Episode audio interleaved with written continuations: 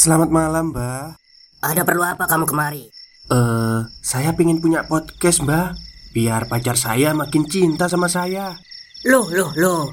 Mau bikin podcast kok tanya dukun? Sekarang kamu download aplikasi Anchor.fm. Di situ kamu bisa buat podcast gratis dan podcast kamu bisa didistribusikan ke platform mana pun. Dan di aplikasi atau website Anchor.fm juga terdapat fitur-fitur yang memudahkan kamu untuk membuat podcast. Oh, gitu ya, Mbak. Kalau gitu, saya boleh minta password wifi-nya, Mbak. Buat apa? Buat download Anchor.fm, Mbak.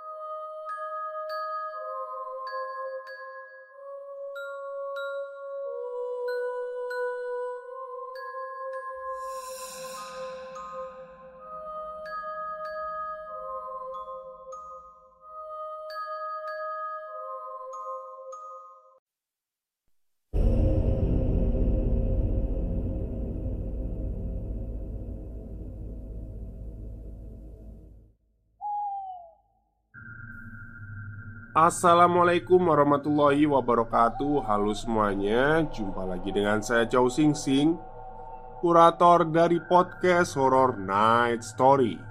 Halo, apa kabar semuanya? Semoga kalian semua sehat-sehat saja ya.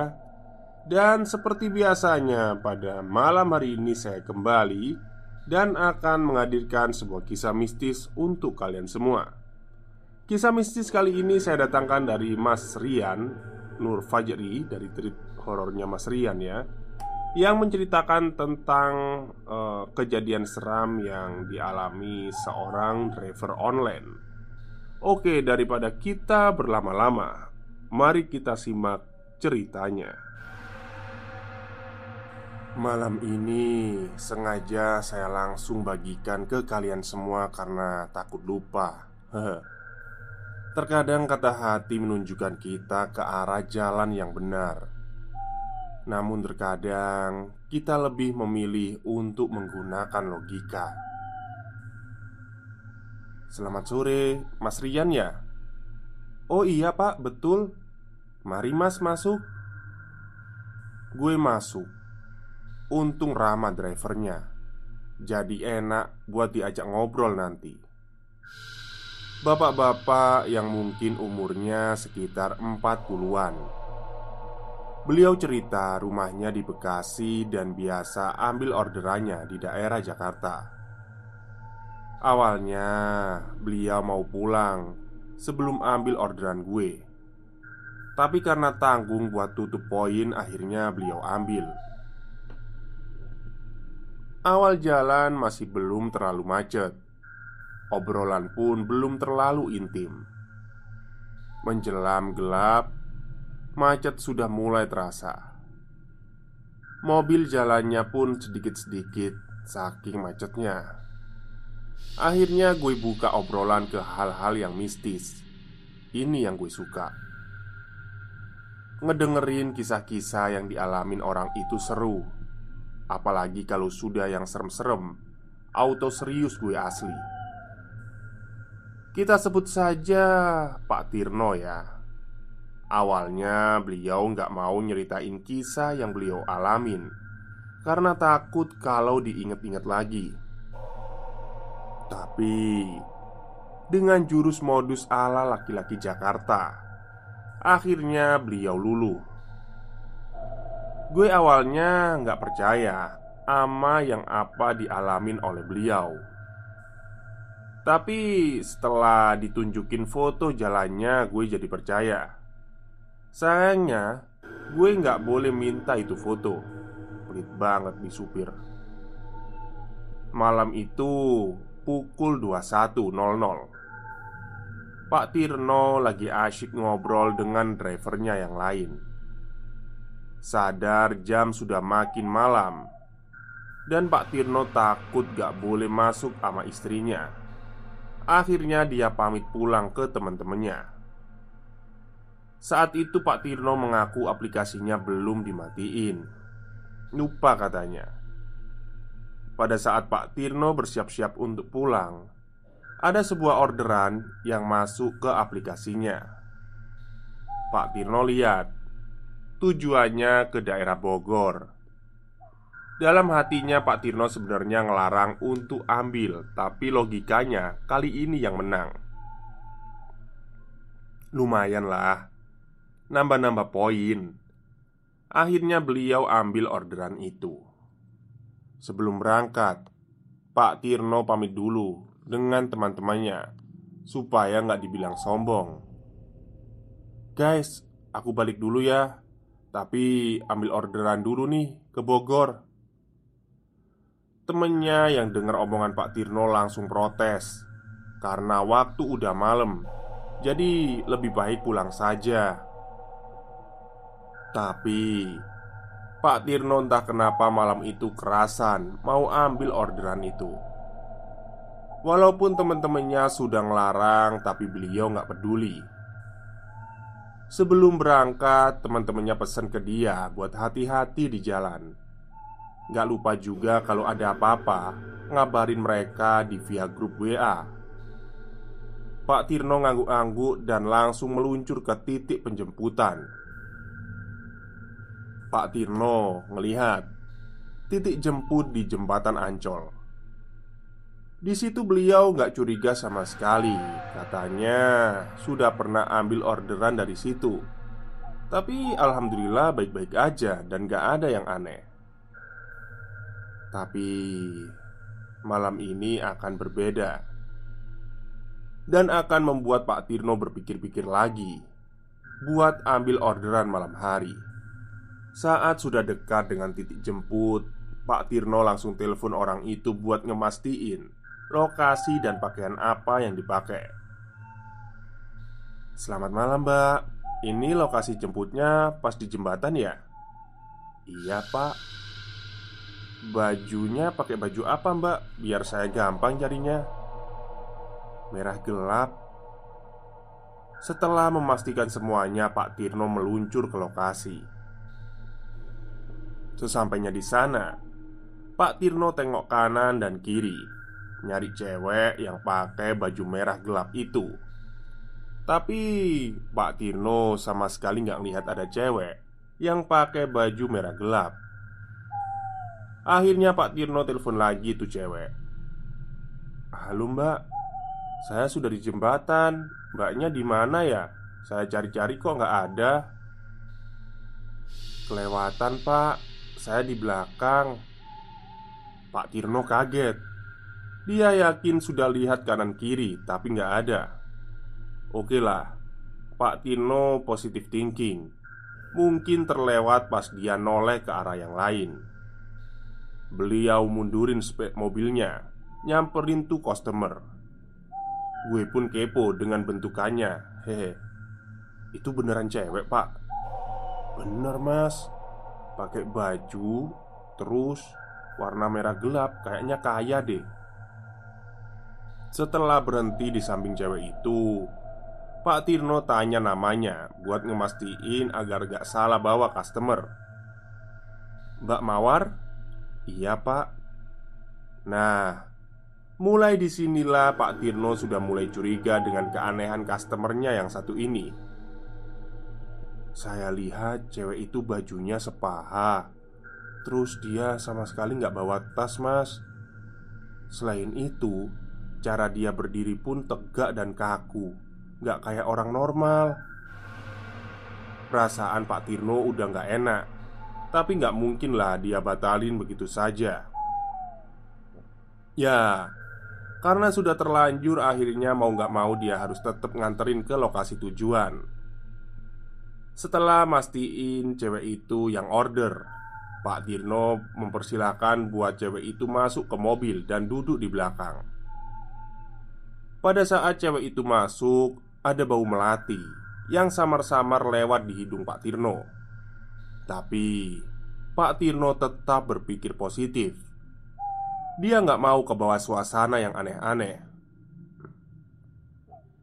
Ini lokasinya udah bener ya mbak? Iya. Macam kayak orang pacaran yang habis berantem aja. Jawabnya singkat, padat, dan jelas Kata Pak Tirno. Akhirnya beliau jalankan mobilnya menuju lokasi Beliau sedikit memperbesar suara musiknya untuk mengusir kesunyian di dalam mobil. Sepuluh menit berjalan, tidak ada pembicaraan sama sekali. Terkadang Pak Tirno mencuri-curi pandang ke spion buat mastiin masih ada atau tidak orangnya. Kalau keadaannya kayak gini, makin lama bisa bikin ngantuk. Eh, uh, habis main ya, Mbak? Iya. Kok sendirian, Mbak? Di sini nggak dijawab sama tuh cewek. Ya akhirnya Pak Tirno diam karena bingung nggak ada bahan pembicaraan. Terlebih jawaban dari tuh cewek hanya sekedar dan tak ada balasan. Mobil Pak Tirno sudah masuk ke jalan tol.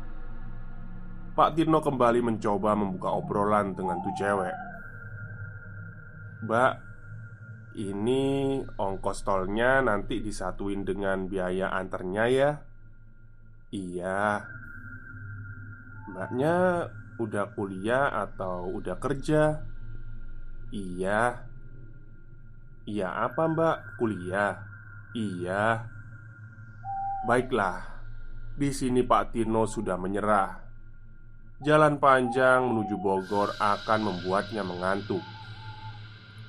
Terkadang Pak Tirno masih mencium samar-samar bau melati. Tapi beliau tetap berusaha buat menepis bau itu. Pikirnya mungkin hanya sugesti saja. Setiap Pak Tirno melirik ke spion tengah Saat itu juga cewek tersebut ikut menoleh ke arah spion. Cewek itu seperti tahu saat Pak Tirno mencoba melirik-lirik dia. Karena tak enak akhirnya Pak Tirno gak berani buat lirik-lirik lagi. Ingat ya di sini Pak Tirno lirik spion buat mastiin. Wujudnya masih ada apa enggak Bukannya genit. Setelah perjalanan panjang yang sunyi, mobil Pak Tirno mulai memasuki wilayah Bogor. Terus keluarnya gimana, Pak? Gue kipo asli. Sentul, Mas. Habis itu ke wilayah desa-desa gitu. Mbak ini bener kan jalannya? Pak Tirno mulai ragu dengan jalannya karena rusak, gelap, dan juga seperti hutan-hutan gitu. Iya, lagi-lagi jawaban yang singkat, padat, dan jelas. Gue yakin nih, nih cewek kalau punya pacar kerjaannya gelut terus. Rasa takut Pak Tirno perlahan timbul. Tapi beliau membuang jauh-jauh itu dan tetap mencoba berpositif thinking. Tapi jalan yang dia lalui seperti mendukung untuk curiga dengan orderannya kali ini. Oh ya, Pak Tirno ini bukan tipe driver yang nanya-nanya jalan. Beliau lebih milih pakai aplikasi Google Map. Bukan tanpa alasan Pak Tirno seperti ini karena sudah berpengalaman mendapat omelan dan bintang satu karena tidak tahu jalan. Mbak, ini benar kan jalannya? Pak Tino kembali memastikan. Hanya memastikan karena sekarang Pak Tino sudah berada di tengah-tengah hutan. Kanan kiri pun pohon semua, nggak ada yang lewat sama sekali di sana. Sebenarnya saya sudah merinding di situ, Mas. Pokoknya udah takut lah. Tapi ya saya paksa aja. Di jalan kayak gitu, saya udah nggak peduli dia mau risi atau enggak.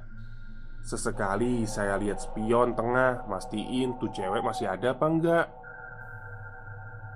Di saat Pak Tirno sedang serius cerita kisahnya, gue lihat ada Kang Cilok Bentar pak Beli cilok dulu ya Bapak mau? Enggak ah, saya haus Hehe Pak Tirno menyetir dengan rasa was-was kali ini Dibilang nyesel ambil orderannya ya nyesel Tapi mau gimana lagi Sudah terlanjur Pak Tirno ambil Menurut beliau, jalan itu lurus lempeng, halus dan juga gelap banget. Jangankan mobil, motor pun gak ada sama sekali. Mbak, ini masih jauh ya? Iya. Nah, Pak Tirno mulai gelisah. Beliau bingung karena ini jalan sepi banget, gak ada pemukiman sama sekali. Perasaan Pak Tirno sedikit lega ketika beliau melihat cahaya di depan sana. Perlahan mendekat. Pada saat sudah sampai di sini, Pak Tirno lebih heran lagi. Saya bingung ya. Dari gelap banget, tiba-tiba jadi terang. Tahu nggak itu apa? Apa pak? Pasar malam. Iya, Kenapa ada pasar malam di tengah-tengah hutan seperti ini? Seperti pasar malam layaknya, banyak yang jualan dan juga ada mainan-mainan yang biasa terdapat di pasar malam. Namun, hal ini tidak membuat Pak Tirno tenang karena saat melewati pasar malam itu, entah kenapa gestur badan orang-orang di situ seperti cewek yang Pak Tirno bawa sekarang. Kayak tegang terus kaku gitulah. Nggak normal orang-orangnya. Lebih anehnya lagi Setiap Pak Tirno lewatin orang-orang itu Saat itu juga mereka membalikkan badannya Lalu melihat ke arah mobil Orang-orang di situ kayak belum pernah lihat mobil Saya lewat Mereka terus nengokin saya Pasar malam itu ada di sebelah kanan dan kiri lebih anehnya lagi, Pak Tirno sama sekali tidak melihat kendaraan yang orang-orang di pasar malam itu. Jadi ya, plong aja gitu. Di sini Pak Tirno makin sadar kalau ini sudah nggak beres. Terus di situ itu saya baca-baca doa, Mas. Saya tahu kalau ini udah nggak beres. Bayangin aja, gimana caranya? Ada pasar malam di tengah hutan. Terus gak ada kendaraan di sana. Ditambah Gestur badan mereka itu kaku semua. Ih, asli merinding. Pak Tirno Akhirnya melewati pasar malam itu Kembali ke hutan-hutan yang ia temukan di perjalanan itu Tidak lupa Pak Tirno kembali memastikan apakah cewek itu masih ada atau tidak Stop, stop Kita break sebentar jadi gimana? Kalian pengen punya podcast seperti saya? Jangan pakai dukun, pakai Anchor. Download sekarang juga. Gratis. Tidak jauh dari situ ada hal lain yang aneh yang terjadi. Karena jalan itu rusak, Pak Tirno melambatkan mobilnya untuk menghindari lobang-lobang yang besar. Tiba-tiba, entah datang dari mana, sekelompok orang membawa keranda. Nah, di sini saya kaget bukan main, Mas. Ya, ini apa-apaan bawa keranda di tengah hutan? Udah gitu malangin jalan dari hutan ke hutan, nyebrang gitu. Waduh, saya mulai lemes, Mas, di situ.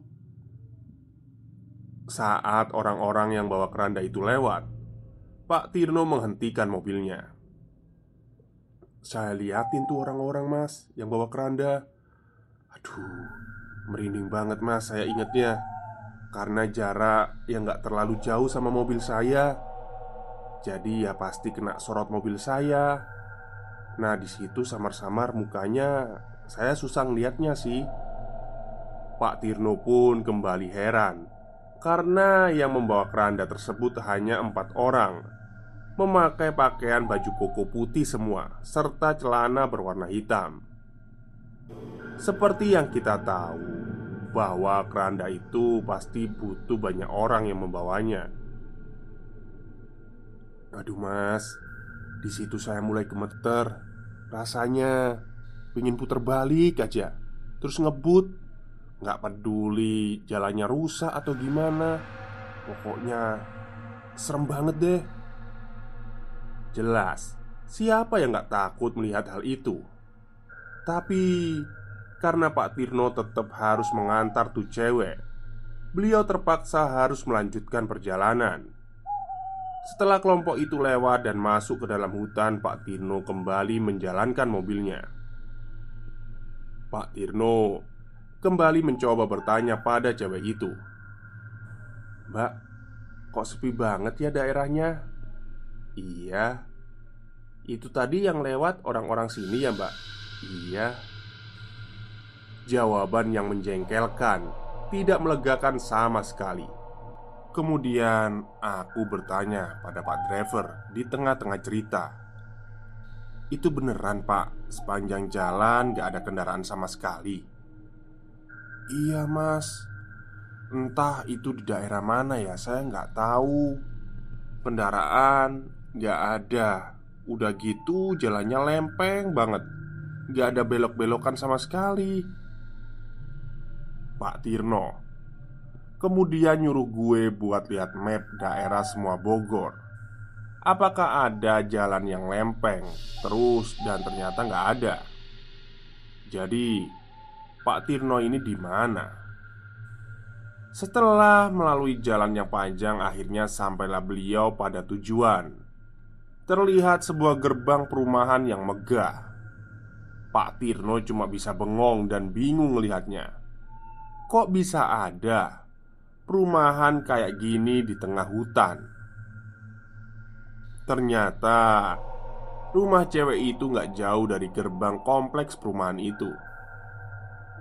Mbak, ini ke mana jalannya? Itu di depan, Pak. Berhentilah Pak Tirno persis di depan rumahnya. Pak, tunggu ya. Saya cuma mau ambil baju aja. Oh, oke, Mbak. Pak Tirno kira ini hanya mengantar saja. Ternyata disuruh menunggu juga. Sembari menunggu Pak Tino keluar dari mobilnya dan berjalan-jalan di sekitar komplek perumahan itu. Tahu nggak mas? Di mana-mana perumahan kan pasti rame. Sesepi-sepinya pasti ada toh yang lewat. Lah, ini gak ada sama sekali. Pos security-nya aja kosong gak ada yang jaga. Pak Tirno gak peduli. Intinya setelah dibayar Dia maunya langsung balik ke rumah saja. Ternyata cewek ini ngambil bajunya cukup lama Sampai-sampai Pak Tirno ngantuk. Beliau ingat Depan gerbang perumahan itu ada sebuah warkop. Beliau memutuskan untuk ngopi sejenak di sana sembari menunggu cewek itu. Pak Tirno berjalan menuju warkop itu. Ternyata Warkopnya sepi nggak ada pembeli. Tapi aneh Kok pedagangnya cuma duduk diem aja Seperti kaku di atas bangku. Ya, Pak Tirno nggak peduli lagi. Dia pesen kopi hitam satu gelas. Gak ada kata-kata yang keluar dari mulut pedagang itu. Pak Tirno melihat muka yang jaga warkop pucat sekali. Ini emang biasanya sepi gini ya pak? Pak Tirno yang kepo mencoba bertanya pada penjaga warkop itu. Lagi-lagi jawaban singkat yang didapat. Pak Tirno kesel. Kenapa ya? Mulai dari cewek itu sampai penjaga warkop bertingkah aneh. Pak Tirno pun gak ambil pusing. Dia menyeruput kopinya. Tapi kenapa rasanya aneh? Entah kenapa ada rasa sedikit ada bau-bau amis Rasa kopinya juga nggak seperti kopi biasanya. Ah, nggak pedulilah Yang penting rasa kantuknya hilang Dan menambah sedikit tenaga untuk pulang. Bapak nggak ngerasa aneh apa kalau sepinya nggak wajar gitu? Kata saya di tengah cerita. Ya ngerasa mas. Tapi saya belum dibayar. Ya saya tungguin aja di saat Pak Tirno sedang asyik nyeruput kopi dan menghisap sebatang rokok, dia dikagetkan dengan bola yang mengenai badannya. Aduh, ini bola dari mana? Saya bingung. Tiba-tiba malah nongol dua anak kecil yang mau ambil bola. Seandainya ada yang bermain bola, pasti terdengar. Tapi ini tiba-tiba aja ada. Main bola di mana nih anak kecil? Terus saya ambilin kan bolanya. Saya kasih ke anak kecil itu. Eh nggak sengaja. Tangan saya nyerempet ke tangan anak kecil itu. Dingin banget. Mungkin karena di Bogor dan di tengah hutan. Jadi hawa dinginnya masih kental. Pikiran Pak, Tar Pak Tirno waktu itu. Sampai kopi habis Cewek yang order itu belum pulang Belum keluar juga.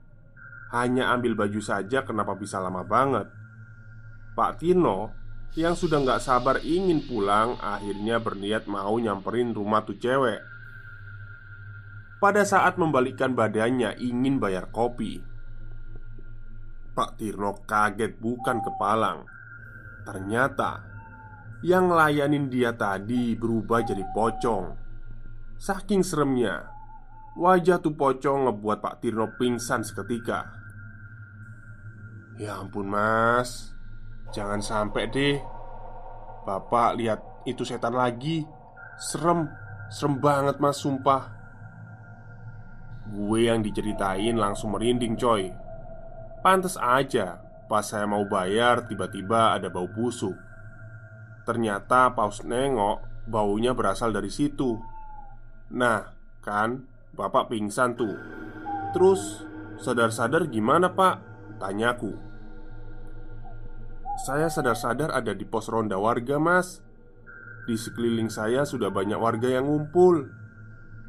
Ternyata Pak Tirno pingsan di atas salah satu kuburan dekat perumahan warga dan ditemui oleh penjaga ditemu oleh penjaga makam yang mau bersih-bersih. Terus mobilnya gimana, Pak? Mobilnya ada di pinggir jalan besar, Mas. Jarak antara saya pingsan dengan mobil itu sekitar 3 km. Aneh kan? Hah? Kok jauh? Padahal Pak Tirno dari mobil ke warkop itu dekat Gak sampai 200 meter Pada saat Pak Tirno kembali ke mobilnya Kondisinya udah parah banget Ada baret di bodi kanan dan kirinya mobil Mobil ban juga penuh lumpur juga Setelah ditanya-tanya oleh warga Pak Tirno pamit untuk pulang ke rumahnya di perjalanan, Pak Tirno membuka aplikasinya dan histori pemesanan cewek semalam Dan ternyata hilang begitu saja. Jadi Semalam Pak Tirno mengantar siapa? Usut punya usut ternyata Pak Tirno adalah driver online keenam yang mengalami hal itu Dan berakhir di atas kuburan yang sama. Pak Tirno sempat mau memfoto kuburan itu Tapi dilarang oleh warga sekitar Pak Tirno pun mengecek jok belakang bekas cewek itu duduk. Tahu ada apa? Gak ada apa-apa. Sampai sekarang Pak Tirno udah gak berani lagi ambil orderan di atas jam 9 malam. Sepertinya sudah kapok. Sekian kisah dari driver online Pak Tirno. Memang gak serem Tapi keanehannya bikin merinding. Ingat ya Tetap sopan dan jaga diri baik-baik. Selamat malam Oke, itulah cerita panjang dari treat horornya Mas Rian. Mas Rian Nur Fajri Tentang kisah seram driver online. Banyak sekali ya kisah-kisah seperti itu itu ya. Baik, mungkin itu saja untuk malam hari ini. Kurang lebihnya saya mohon maaf. Wassalamualaikum warahmatullahi wabarakatuh